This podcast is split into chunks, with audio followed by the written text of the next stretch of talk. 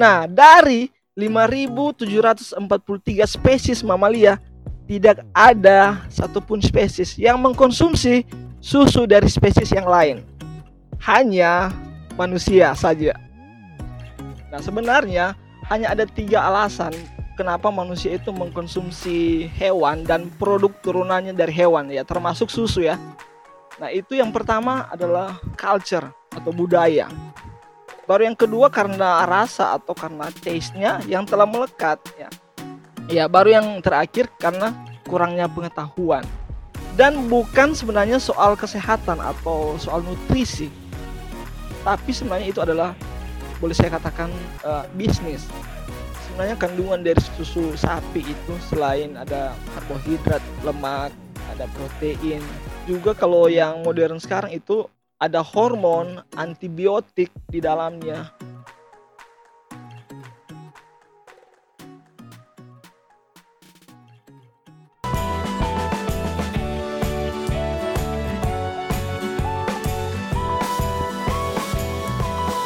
Hai, gue Willy Yonas.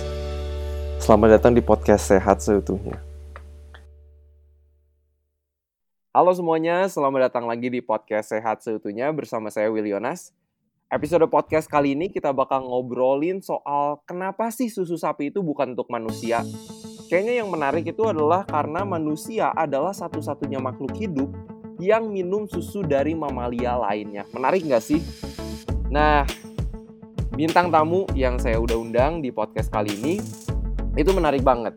Beliau adalah seorang plant-based atau vegan aktivis seorang yang sangat passionate banget untuk berbagi ilmu tentang manfaat plant-based diet untuk kesehatan kita.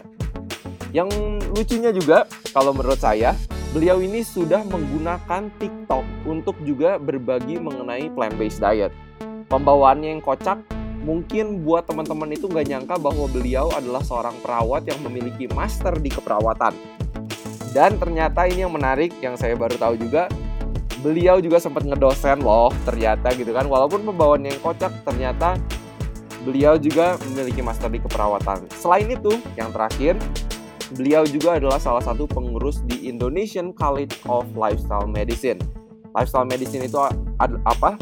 Lifestyle medicine adalah merupakan spesialis dari kedokteran atau juga atau bisa dibilang salah satu bidang yang memperhatikan atau menggunakan pola hidup sebagai obat. Kita bakal bincang-bincang langsung dengan narasumber kita hari ini. Jadi tanpa menunda-nunda waktu lagi, saya mau welcome Bang Daryl Togas MSN. Halo Bang. Yo, halo. Willy. Selamat sore, gimana kabarnya nih Bang? Sore. Wah baik nih baik, puji Tuhan, sehat. Mantap, nih thank you banget sudah meluangkan waktu di tengah kesibukannya di Manado. Thank you yeah, banget. Iya, iya, oke. Sama-sama juga. Dan ini bakal seru nih Bang hari ini. Um, yep. Gimana, kita gimana? bakal ngobrolin kenapa sih susu sapi itu bukan manusia nih Bang. Oh. Uh, sorry. Bukan. Kenapa? kenapa susu sapi? Iya, memang bukan manusia lah susu sapi, Bro. Aduh, sorry sorry salah salah kalimat ya. Jadi kenapa sih susu sapi itu bukan untuk manusia tuh bang? Sebelum kita lanjut, kita bakal dengerin salah satu cuplikan dari TikToknya Bang Deto nih. Yo, hey, bukan lautan tapi ini kolam susu. Tetap iklan sampai sekarang minum susu diambil daripada dari hewan yang masih nunggu. Bilang untuk sehat padahal untuk laku kalsium. Jangan jadikan sebuah alasan kita bisa dapat semuanya dari tubuhan. Makan bayam aja punya kekuatan. Terus berdoa Tuhan bakal buka jalan untuk menjalani semua ini dengan pola hidup vegan, gan, gan, gan. Tadi aku sebut juga di awal kalau manusia itu satu-satunya mamalia yang minum susu dari mamalia lainnya. Itu gimana tuh, Bang? Ya, benar. Nah, jadi eh, awalnya ya. Jadi kenapa susu sapi itu dikonsumsi dulu oleh manusia? Nah, sebenarnya hmm. hanya ada tiga alasan kenapa manusia itu mengkonsumsi hewan dan produk turunannya dari hewan ya, termasuk susu ya. Nah, itu hmm. yang pertama adalah culture atau budaya yang sudah menjadi okay. kebiasaan kita. Baru yang kedua karena rasa atau karena taste-nya yang telah melekat ya. Karena udah udah udah dibiasain. Jadi rasa itu bisa telah karena melekat. biasa ya. Iya, baru yang terakhir karena kurangnya pengetahuan.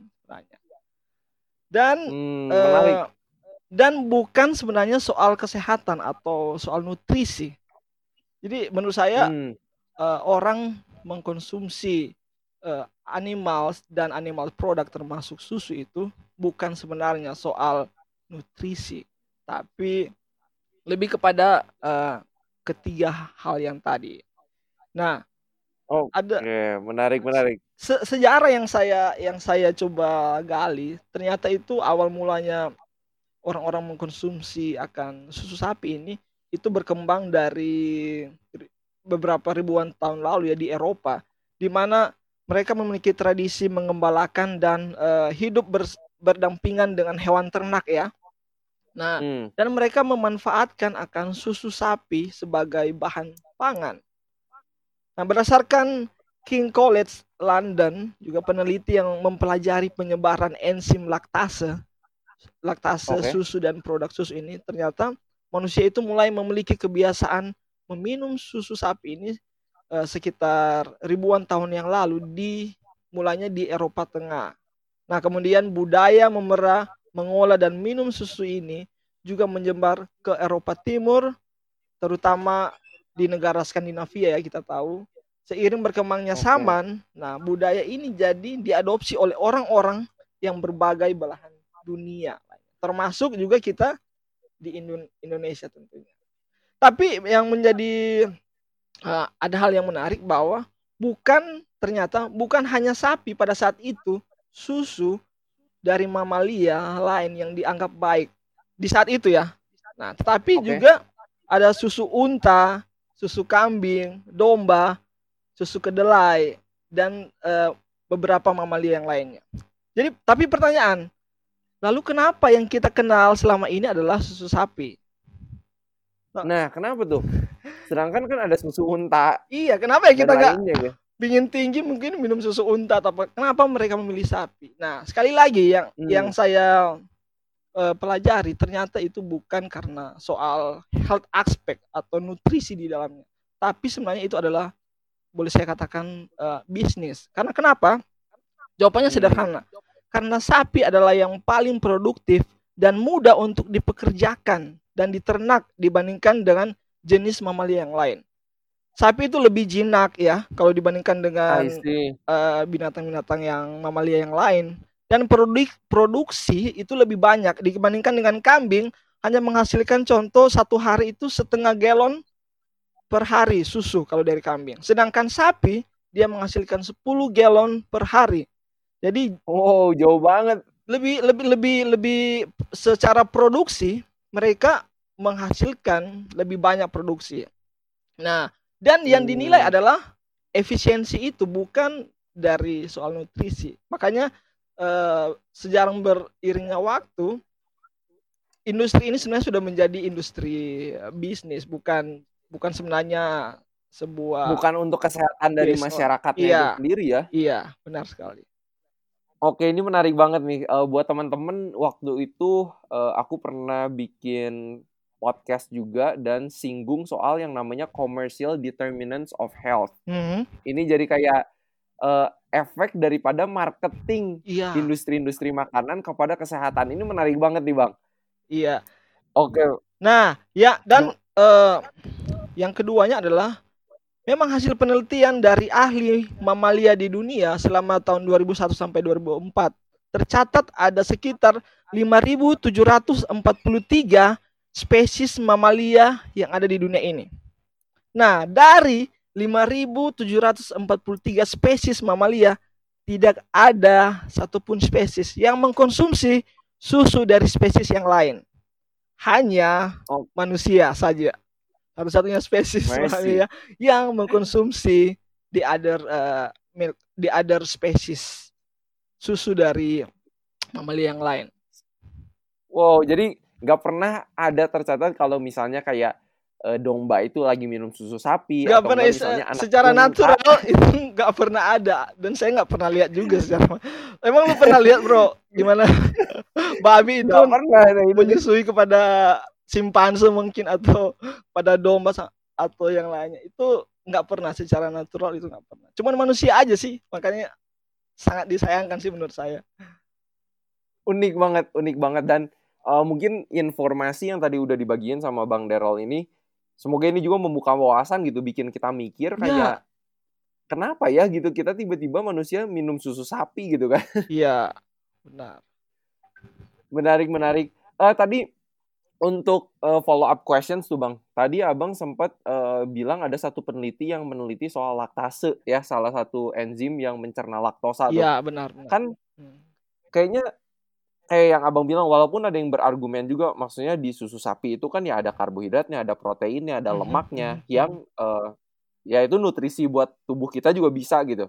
Mm. Nah, tapi salah satu concern yang ada di susu itu kan uh, bahwa susu men mengandung gula yang namanya laktosa. laktosa ya. Nah, sedangkan kalau teman-teman pendengar podcast udah pernah dengar ada yang or ada orang-orang yang nggak bisa mencerna laktosa yang disebut lactose intolerant gitu. Nah, sebenarnya apakah mayoritas di dunia itu sebenarnya bisa mencerna laktosa atau enggak, Bang? Ya, benar sekali. Nah, berdasarkan uh, dari penelitian dari Scrimhow ya dan Murray ini yang udah dari tahun 1988 yang dipublish di American Journal of Clinical Nutrition didapati okay. bahwa sekitar 75% orang di dunia ini sebenarnya lactose intolerance. Jadi uh, 75%. 75% lactose intolerance. Dan di tahun 2018 saya dapati juga dari Santiago di mana dipublish di Journal Food and Function itu didapati about 70% of the adult world population is lactose intolerance. Jadi sekitar 70 sampai 75% sebenarnya uh, kita ini lactose intolerance. Nah, sudah disinggung tadi sebenarnya mengenai lactose intolerance itu sebenarnya seperti apa sih? Nah, itu merupakan hmm. yang kita tahu ya bersama ya. Laktosa. Jadi uh, di di sapi itu mengandung laktosa itu merupakan gula alami yang terkandung di dalam susu ya. Nah, pada manusia enzim laktase yang diberikan untuk mengolah laktosa. Jadi untuk mengolah enzim lak laktosa ini manusia di manusia itu di, harus diproduksikan namanya enzim eh, laktasa. Laktase, sorry. Nah, hmm, banyak diproduksi saat bayi namun seiring bertambahnya usia, jumlah laktase dalam tubuh terus berkurang. Hmm. Nah, jadi eh, biasanya dia eh, tubuh memproduksikan laktase untuk agar supaya mau me, me, memetabolisme atau me, mengkonsumsi mencerna ya? ya mencerna maksud saya mencerna akan laktosa ini itu dari susu ibu harusnya. Iya, itu maksud saya. Kenapa kita memiliki laktase? Laktase ini berfungsi untuk mencerna mencerna akan laktosa dari susu ibu kita. Dan di mana sampai hmm. sekitar umur 2 tahun itu sudah mulai meng, uh, berkurang dan bahkan sudah uh, sampai tidak memproduksikan lagi akan apa? Akan enzim laktase ini. Nah, hmm. setel, makanya setelah kita dewasa, secara alamiah tubuh manusia kita kita kan tidak memprodu, uh, memproduksi laktase lagi dengan kata lain kita hmm. sudah tidak perlu lagi untuk uh, meminum minum susu ibu minum susu ibu iya kan sudah tidak perlu nah apalagi ini dengan animals atau uh, susu hewan makanya mayoriti orang itu sebenarnya dia menolak atau lactose intolerance artinya Hmm, oke. Menarik. Sebenarnya jadi banyak banget orang yang laktos intoleran. Nah, tapi uh, mungkin para pendengar podcast kalian ada yang masih minum susu, uh, susu atau misalnya uh, turunan yang lain ada yogurt, ada keju yeah, yang nanti kita yeah. akan lebih bahas lagi. Tapi uh, mungkin sebenarnya selama ini masih konsumsi tapi nggak sadar sebenarnya uh, apakah diri saya itu uh, bisa mencerna laktosa atau enggak. Ciri-cirinya apa aja sih Bang kalau seseorang itu nggak bisa mencerna laktosa dengan baik? Nah, bang? biasanya ya eh, gejala intoleransi laktosa itu muncul sekitar 30 30 menit hingga 2 jam setelah mengkonsumsi akan makanan atau minuman yang mengandung laktosa. Gejalanya eh, antara lain itu seperti sering buang angin atau uh, gassy ya jadi bergas ya. Iya, gas atau ibaratnya kentut lah ya. bisa bahasa kita sering ya. buang angin baru perut itu uh, kembung baru ada juga kram-kram merasa kram di, di di perut, baru mual dan juga uh, diare. Nah, ini sebenarnya hmm. membuktikan bahwa secara fisikal tubuh kita itu menolak akan sesuatu yang masuk ini yaitu lak laktosa dengan ditimbulkan akan gejala-gejala seperti ini. Seperti itu. Hmm.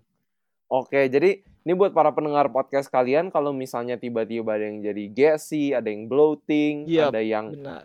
Uh, diare tiba-tiba mungkin uh, dipikir ulang gitu apakah itu emang karena misalnya salah makan, kita lagi makan di luar makanan yang kurang bersih ya, atau kita itu baru mengkonsumsi dari susu sapi dan produk lainnya ya Bang ya. Iya, benar. Itu sih yang yang di Tapi memang nggak semua harus Eh, nggak uh, semua tanda dan gejala ini harus uh, di, didapati dulu ya baru kita menilai.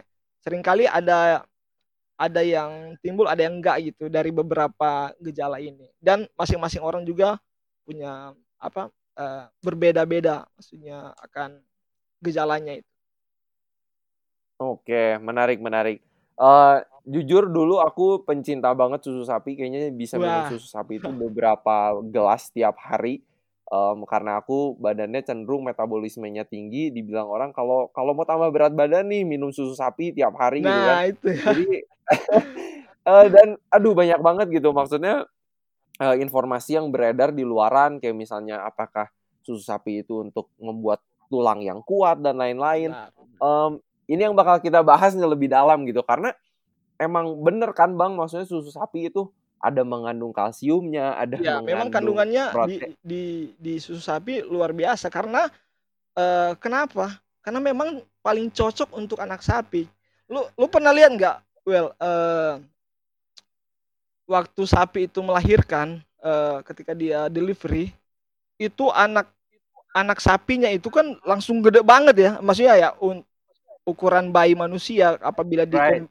komparison dengan bayi bayi dari sapi itu uh, lumayan besar ya Jauh. anak sapinya itu dan hanya butuh beberapa saat saja sapi itu anak bayi sapi itu bisa langsung berdiri gitu kan dan uh, ya. jadi memang anak sapi itu membutuhkan banyak sekali akan uh, lemak dan protein untuk kebutuhan anak sapi itu yang di mana proses pertumbuhannya itu cepat sekali sangat sangat uh, membutuhkan kandungan-kandungan nutrisi itu yang sangat besar sedangkan berbeda dengan manusia di mana ASI adalah yang paling tepat. Itulah susu susu murninya kita kan sebenarnya. Betul, betul banget. Dan kayaknya kalau bayi juga kan kita bayi sampai bisa merangkak, bisa jalan aja butuh berapa lama iya, gitu. butuh setahun anak ya kan. sapi aja cepet banget gitu. Nah, uh, bener banget uh, walaupun susu sapi ini mengandung nutrisi-nutrisi seperti yang tadi disebutkan, tapi apa sih bang hal yang perlu kita waspadai gitu selain sering yang dipromosikan kan kalsiumnya, proteinnya, tapi banyak hal dari susu sapi yang jarang diomongin. Ada nggak tuh bang yang harus kita waspadai bang? Ya benar banget ya. Jadi eh, sebenarnya kandungan dari susu susu sapi itu selain ada karbohidrat ya, eh, lemak, ada protein, juga kalau yang modern sekarang itu ada hormon, antibiotik di dalamnya, kolesterol, sat, uh, saturated fat, uh, lemak-lemak yang tidak sehat. Dan uh, sebenarnya ada yang saya lihat mereka dapati ada kandungan uh, push di sana atau nana kalau pernah dengar ya. Hmm. Push dan blood dan darah di di sana. Karena kenapa? Karena industri uh, susu sapi sekarang kan mereka menggunakan alat alat modern itu di mana mereka hmm. akan sak uh, dari untuk mengambil susu sapi dan itu ibaratnya jadi blast atau ibaratnya apa ya tergesek sehingga hmm. uh, menimbulkan luka dan bahkan bernanah dan itu pun semua masuk di dalam apa masuk di dalam di dalam kandungannya. Nah, dalam selain itu ya. yang hal yang tadi itu sangat harus kita perhatikan ya saya kasih contoh ya, ini uh, hormon berdasarkan uh, Journal of Dairy Science.org didapati bahwa contoh hormon estrogen levels itu dari susu sapi itu 10 kali lipat daripada sumber aslinya.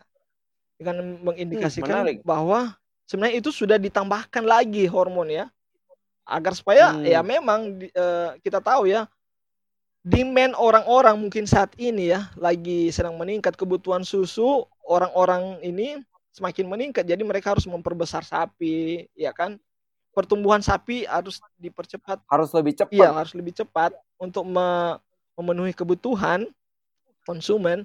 Jadi mereka suntik hormon dan hormon itu didapati memang 10 kali lipat dari sumber aslinya dari sapi tersebut. Nah, sehingga Wow. muncul eh, bisa memicu hal-hal yang yang berbahaya termasuk termasuk cancer. Nah, saya dapat ini ya.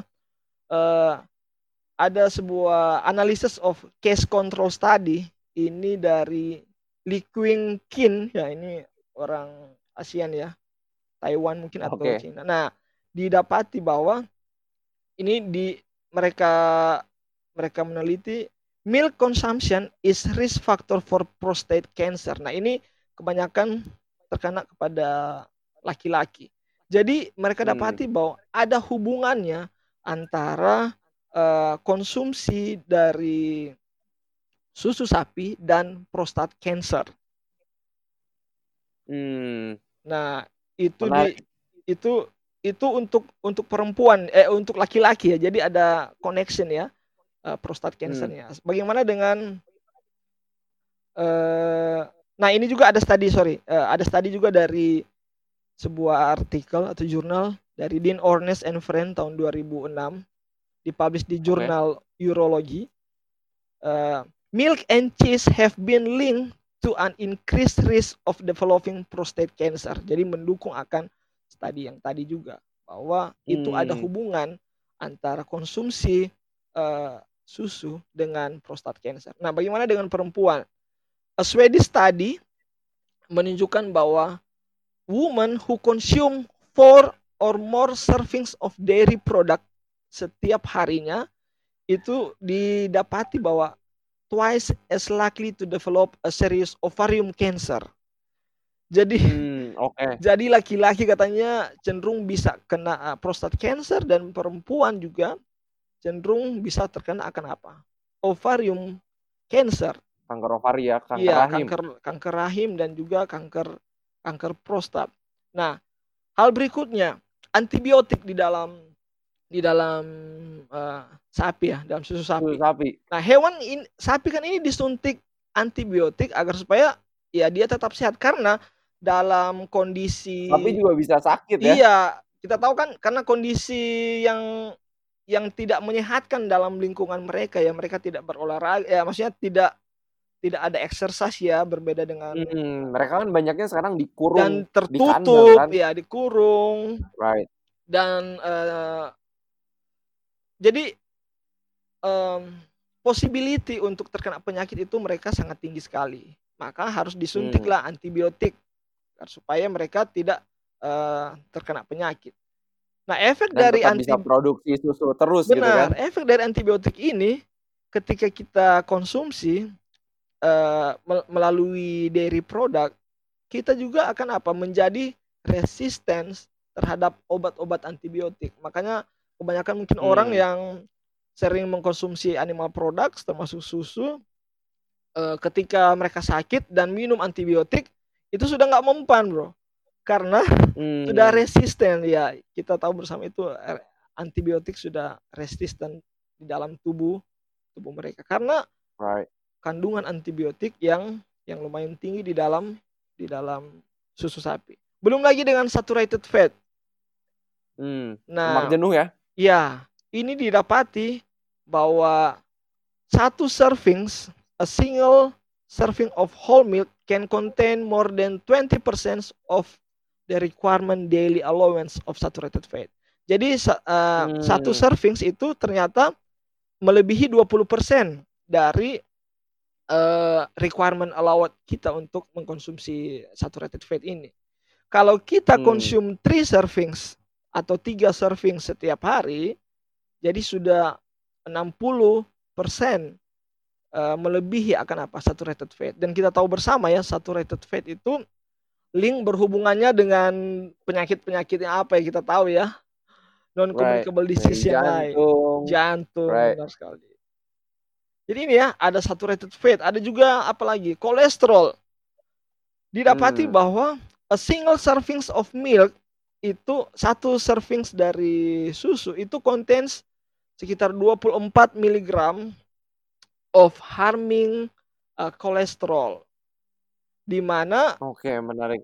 ya di mana eh, kalau kita lihat susu plant milk atau alternatif milk itu tidak mengandung Susu kolesterol nabati lah ya. Iya, susu nabati.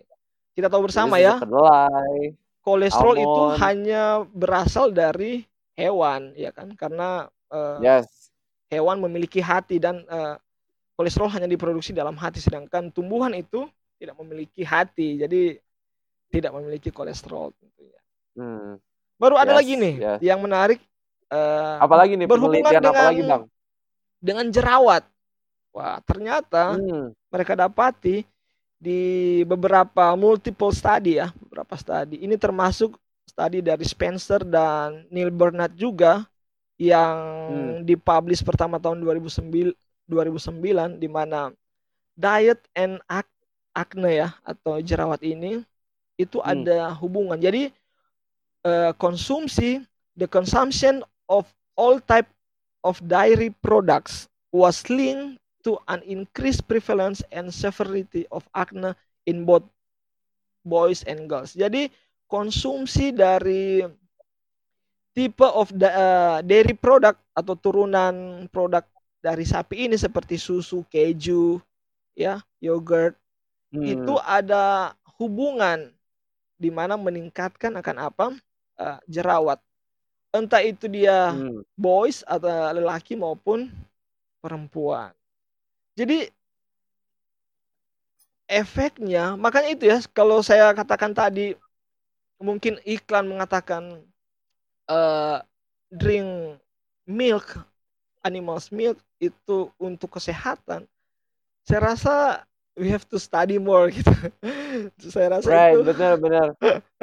Da- karena dari penelitian-penelitian yang abang eh, bagiin gitu ya, maksudnya tadi abang mention kayak penelitian dari eh, Dr. Dean Ornish itu Iya. tuh udah dari tahun 2006 gitu. Hmm. Mungkin ada orang yang mikir kayak, oke itu kan udah 14 tahun yang lalu gitu kan, padahal kalau di riset kan kita biasa menggunakan yang 5 sampai 10 tahun yang Iya, iya. paling lalu lah.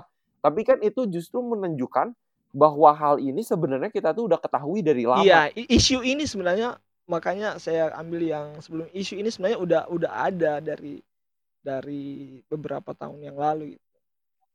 Right. Dan ini maksudnya kalau tadi abang mention gitu kan, kalau misalnya kita lihat iklan um, susu sapi dan lain-lain, ya pasti kan di highlight yang bagus dong gitu kan. Benar. Gak mungkin mereka bilang, um, iya gitu kan, eh, di susu sapi juga ada hormon, ada antibiotik, ada kolesterol gitu kan kayak eh, orang kayaknya bakal mikir gitu kan kalau dikasih tahu fakta itu gitu.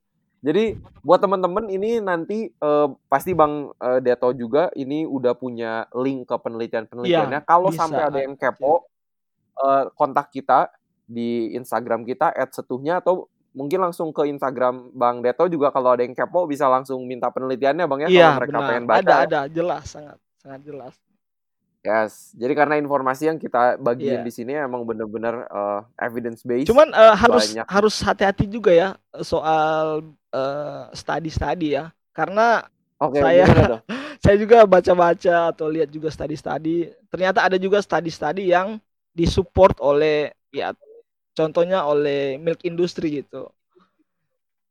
Yes. Nah, itu jadi harus ya memang harus belajar benar-benar itu. Kita harus lihat evidence base-nya siapa yang siapa yang study, siapa yang support atau sponsor itu itu harus diperhatikan benar-benar.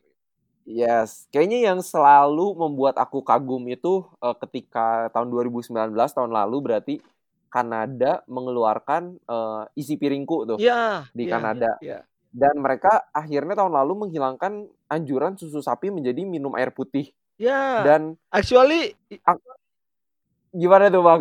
ya actually Indonesia udah duluan loh dari 2014 kan.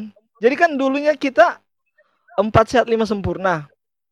Betul. Nah, itu masih ada untuk melengkapi kesempurnaannya itu ada susu Susu, yes. direkomendasikan ya kan. Tapi uh, sejak uh, 2014 setahu saya ya, isi piringku itu justru susu udah nggak ada lagi di gambar dari piring. Hmm, Justru kayaknya dari sejak yang gizi seimbang ya? iya gizi seimbang itu Kayaknya- justru udah diganti sama benar tadi air putih sama kayak Kanada. Right. Dan aku highlight apa aku ketika aku baca berita eh, ketua Kemenkesnya Kanada Mhm. itu bilang satu hal yang menurut aku tuh dalam banget gitu. Dan bener Hmm. eh, dia bilang eh, kita melakukan ini dengan ngecek semua penelitian mengenai susu yang ada Iya. eh, dan mempertimbangkan eh, ini penelitiannya sponsornya dari mana. Kalau enggak kan ini hasilnya juga bisa bias nih. Benar. Kalau misalnya penelitian susu yang ngesponsorin ya perusahaan susu eh, ya gimana ya harus hati-hati lah ya maksudnya. Iya. Jadi menarik banget. Ini semoga informasi yang di bagian membuka wawasan teman-teman lagi mengenai susu sapi ini. Dan tadi juga Bang Deto kayaknya sempat mention bahwa eh, kayaknya itu eh, industri susu sapi sekarang kan kayak semua sapi dikurung, maksudnya kayak nggak bisa Hmm. bergerak, semuanya pakai mesin, Mhm. apa meres susunya juga pakai mesin. Dan ini sebenarnya ada nggak sih bang bedanya ketika kita nih misalnya aku pelihara sapi gitu kan, Oke. terus sapinya di dilepas di lapangan terbuka. Terus kalau misalnya ada ekstra susu sapi yang harusnya buat anak sapi gitu kan, Mhm. em, misalnya ada sisa, oke misalnya buat konsumsi manusia. Tapi ada nggak sih bedanya dengan susu sapi yang sebenarnya tuh stres dikurung eh, dari apakah itu ada bedanya nggak tuh bang? Iya, oke oke. Nah, jadi eh mungkin orang akan berpikir ya, mending ya udah aku pelihara sapi sendiri aja di rumah gitu kan, terus nanti ambil susunya, mungkin itu jauh lebih sehat. Eh kalau secara pribadi saya ya, sebenarnya saya melihat ini bukan sebuah dari sudut pandang soal nutrisi atau dari sudut bukan sudut pandang soal kesehatannya ya. Nah, yang saya mau lihat bahwa memang susu sapi ini bukan bukan untuk manusia gitu. Meskipun kita mau pelihara di sangkar emas dia diberi apa, it's not our our food gitu. loh. Maksudnya Right. mau gimana pun ya, eh, saya rasa Tuhan itu luar biasa sekali. Dia telah memberikan banyak sekali nutrisi buat kita yang tersedia di setiap tumbuhan yang berwarna colorful whole food plant based diet. Jadi menurut saya tidak it's not about nutrition, tidak eh, semua nutrisi yang ada yang kita butuhkan dari susu sapi itu sebenarnya tersedia di eh, tumbuhan, buah-buahan, Hmm. biji-bijian, sayur-sayuran, kacang-kacangan. Ya. Nah, di other side, eh, saya mau katakan ya, bahwa kalau saya mau lihat, industri yang paling kejam di dunia ini adalah industri susu sapi, cow's milk. Kenapa tuh bang? Karena kenapa? Oke, gini. Kalau kalau lu lu perhatiin s- industri daging, oke mereka rice, mereka besarkan sapinya. Baru ya udah kalau udah matang, udah siap untuk di di dikonsum, mereka akan bunuh dan sudah selesai dipenggal. Tapi tahu nggak Hmm. industri susu sapi? Jadi dia begini. Ini ini saya mau agak terangkan ya dari dari dari awal mulanya dia sampai berakhirnya di mana. Jadi Oke. Oke, eh, industri susu sapi, sapi ini kan termasuk mamalia ya. Nah, Betul. di saat kapan mamalia itu memproduksi susu? Pas hamil harusnya. Ya di saat Pas hamil ya. anak. Oke, sama juga dengan manusia ya. Kita Right. memproduksi susu di saat di saat hamil. Nah, di saat kapan manusia itu atau mamalia itu hamil? Di saat eh, ada terjadinya pertemuan antara eh, sel sperma dan sel telur, ya kan? Hmm. Dengan eh, yang normalnya adalah dengan sukacita atau dengan love, dengan kasih ya. Ibarat meskipun hewan kita Hmm. tahu mereka itu akan melakukan re- eh, Insting lah ya, ya. insting atau reproduksi sistemnya itu akan berjalan dengan naturalnya mereka. Tapi tahu nggak di industri Right. susu sapi, mereka itu melaksanakan uh, insemination.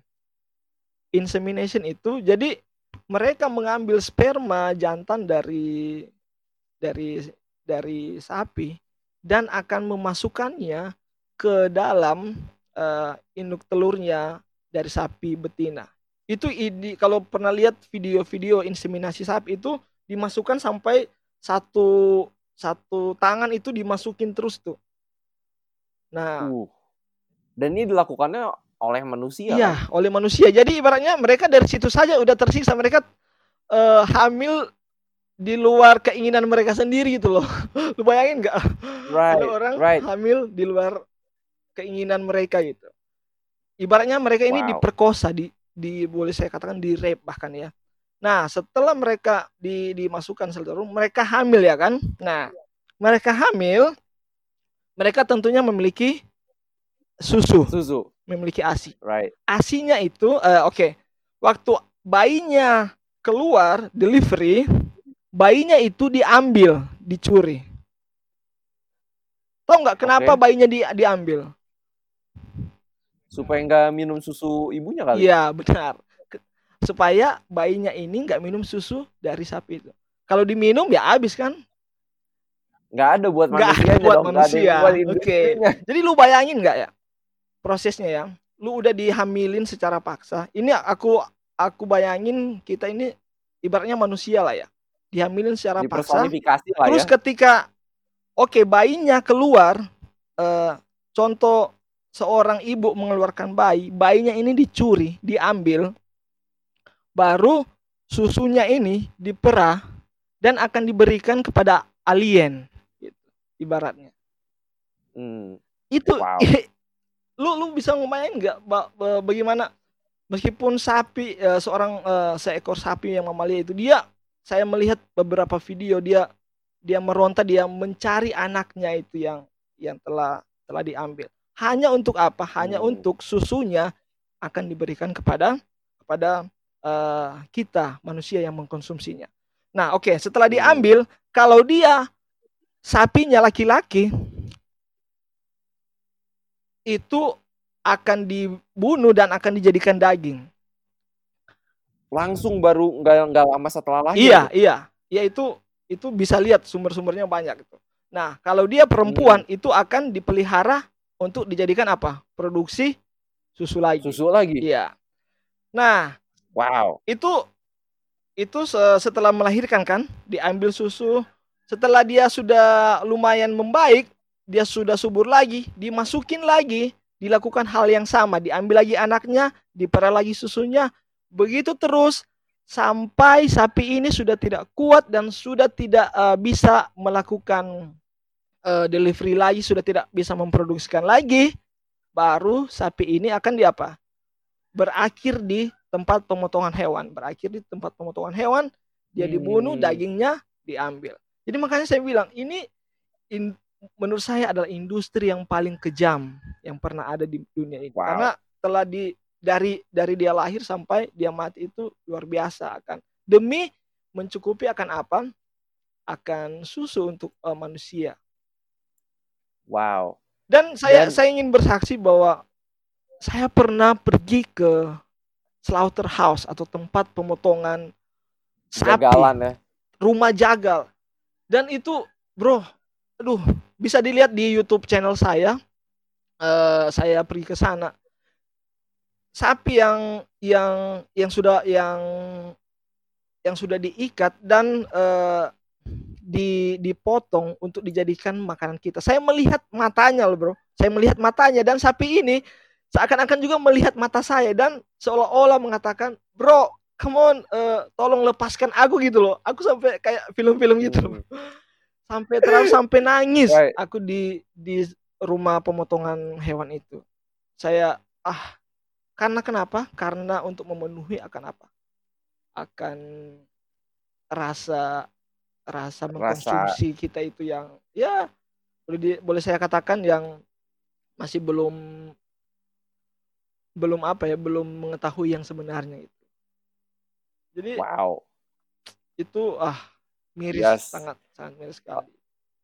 Ini buat mungkin buat para pendengar podcast kalian mungkin nih pertama kali teman-teman uh, ngedengar soal ini, uh, mungkin ini uh, kontennya agak eksplisit. Semoga teman-teman lagi dengerinnya nggak Iya, lagi aduh. makan atau apa dan um, tapi informasi ini perlu kita ketahui juga supaya membuka wawasan kita. Iya, benar. benar. Buat teman-teman yang masih kepo, boleh ada dokumenter kayak Cowspiracy Iya, um, Iya. yang bisa ditonton di Netflix kayak gitu itu uh, bagus banget menyajikannya membuka wawasan kita gitu benar. bahwa um, ya ini ya industri yang uh, memperlakukan hewan ya cukup apa ya bisa dibilang cukup kejam ya bang ya Iya, menurut menurut aku Uh, sih ini kejam sih. Yang di mana mereka sebenarnya adalah tidak mau untuk mati. Maksudnya keinginan mereka itu bukan bukan itu bukan bukan mati itu, bukan untuk right dikonsumsi.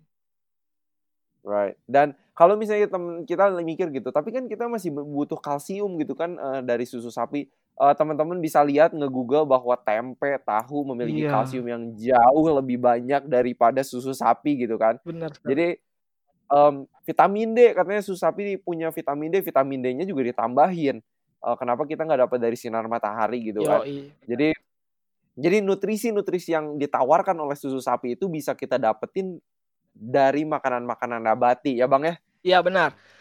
Simpelnya seperti ini aja sih. Seringkali aku sharing dengan orang eh, contoh mereka pingin daging sapi atau apa. Aku sering tanya, eh, oke, kenapa kamu makan sapi gitu? Atau kenapa kamu minum susu, susu sapi?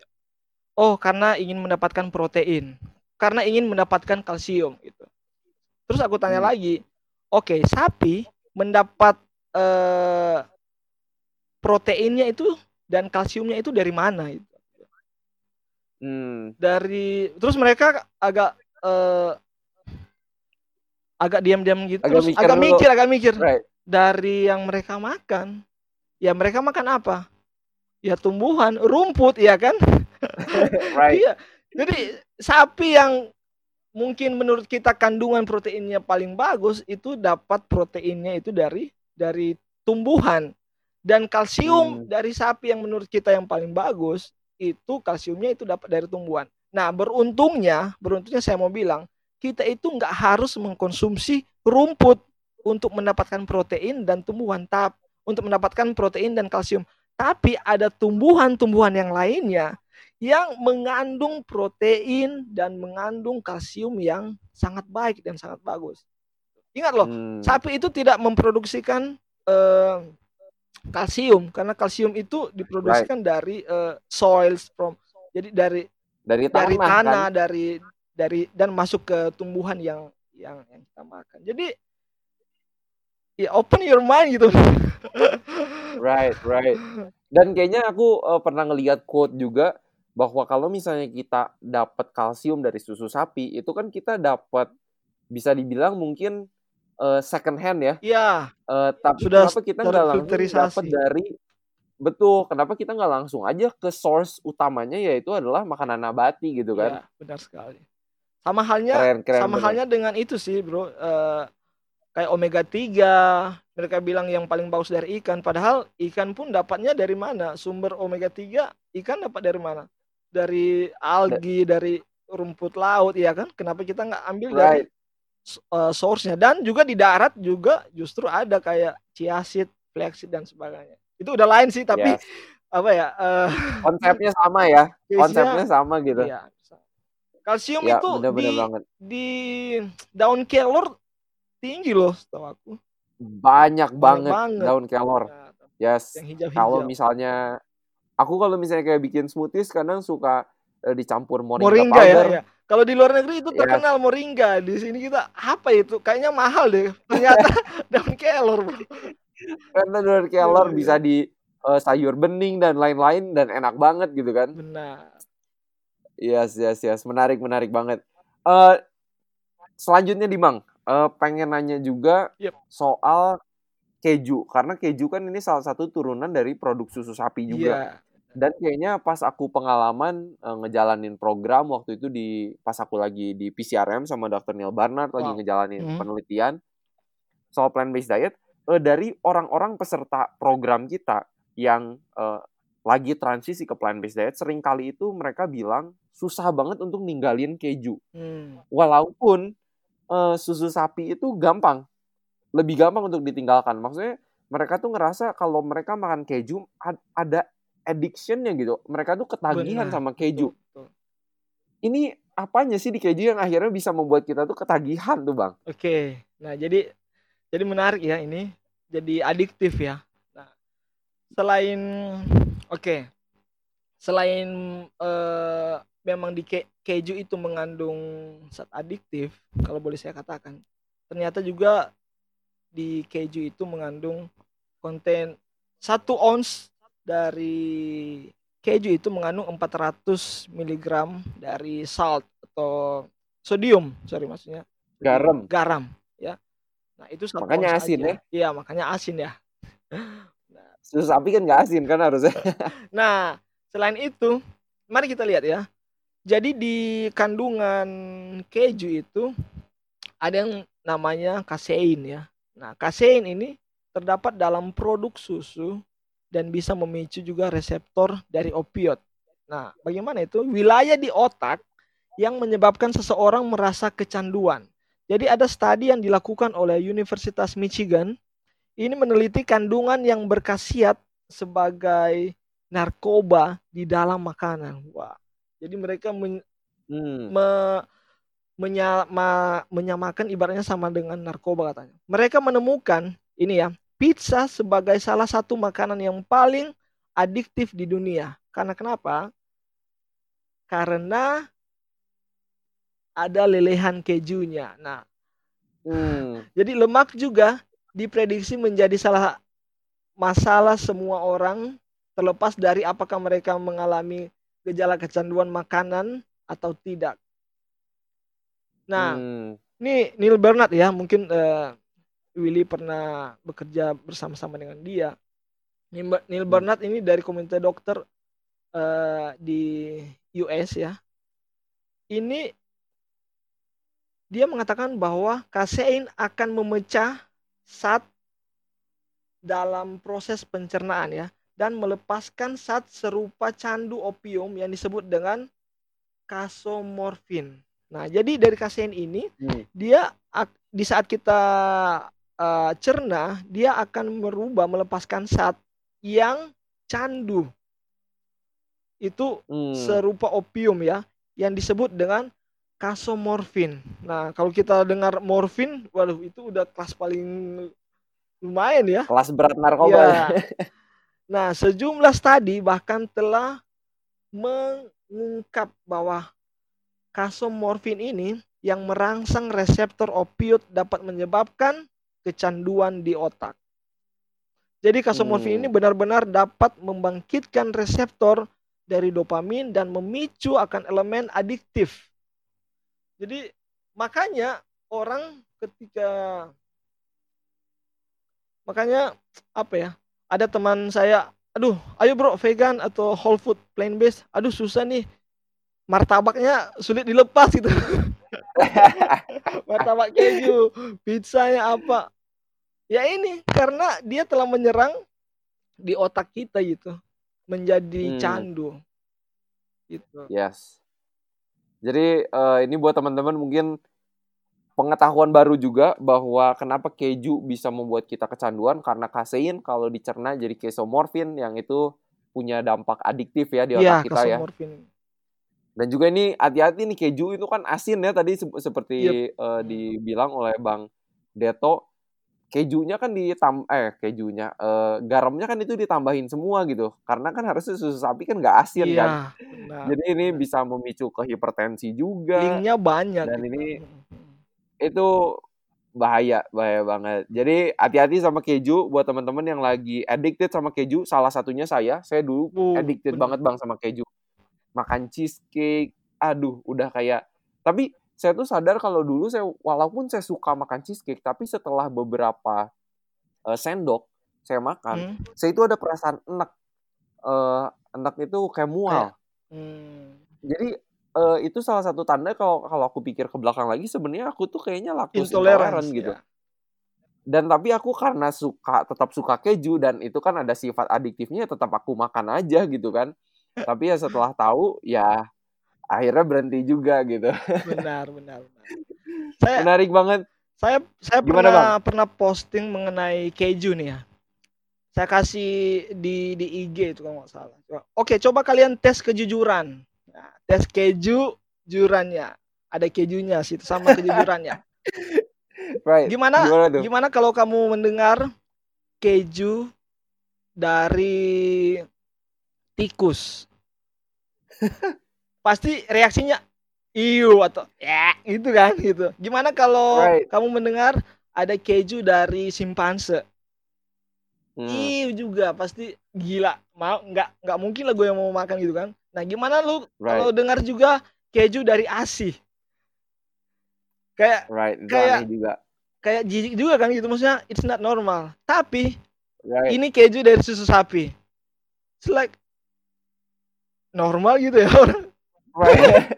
nothing different right, ya right. jadi uh, kejujurannya orang itu sudah berubah gitu karena hmm. karena saking kita mungkin di apa ya di di udah jadi kebiasaan kita bahwa keju itu nggak apa-apa enak bagus dan sebagainya padahal right. secara natural kita it's something disgusting tau nggak it's very disgusting hmm. dan bukan right. makanan benar kita. benar benar oke okay. jadi buat teman-teman nih yang mungkin masih mengkonsumsi susu sapi keju juga bisa setelah mendengar podcast ini reconsider lagi um, kita Yo. peduli dengan kesehatan dan kualitas hidup teman-teman, makanya kita mau angkat topik ini. Um, yes, um, maksudnya kita selalu advocate untuk plant-based diet karena banyak sekali penelitian yang sudah menunjukkan yeah. bahwa itulah yang terbaik. Uh, itu tujuan kita podcast sehat seutuhnya pengen kasih informasi yang terkini, terbaru, yang evidence based dari research dan luar biasa banget informasi yang udah dibagiin Bang Daryl Togas dan Bang, kayaknya kalau aku ngelihat sendiri di US ini sekarang kayak udah ada campaign Switch for Good yeah, di iya, Amerika yeah. untuk It's ditching dairy products. Bahkan udah banyak juga atlet-atlet uh, yang switch ke plant-based diet dan bilang uh, iya gitu sebelumnya kalau mereka konsumsi dairy products itu ada impactnya gitu ke mereka. Nah, pengen tanya nih, mungkin ini pertanyaan terakhir, Bang. Yep. Harapan Abang gimana sih ke depannya uh, terkait konsumsi susu sapi ini di Indonesia? Oke, uh, jadi kalau saya lihat ya, uh, tapi in, uh, Indonesia sendiri sudah lumayan mengikuti akan juga studi-studi ya atau tren yang berasal dari dari luar negeri yang yang bagus ya. Nah, salah satu yang saya suka dengan Indonesia itu ketika mereka merubah akan uh, berdasarkan penelitian uh, petunjuk makanan kita ya, di mana dulunya hmm. itu ada empat sehat lima sempurna, di mana susu itu termasuk di dalamnya. Tapi sekarang kalau kita lihat dari uh, panduan petunjuk makan kita isi piringku, tadi juga setelah dibilang ya bahwa susu itu sudah tidak ada lagi, malah digantikan dengan uh, air putih. Nah, jadi ini hmm. merupakan uh, tolak ukur yang bagus dan juga saya saya sebagai seorang perawat juga pernah uh, di warning waktu dulu pernah dinas bahwa kita itu nggak bisa memberikan susu botol kepada kepada pasien yang ada di rumah sakit. Kalau kita memberikan susu botol, susu botol di sini ya kita tahu ya uh, susu sufor lah ya, susu formula, formula itu ya. ya. Di mana itu bahkan ada undang-undangnya jadi memang pure kalau untuk bayi kita itu harus diberikan akan susu alamiah kita yaitu dari uh, ASI.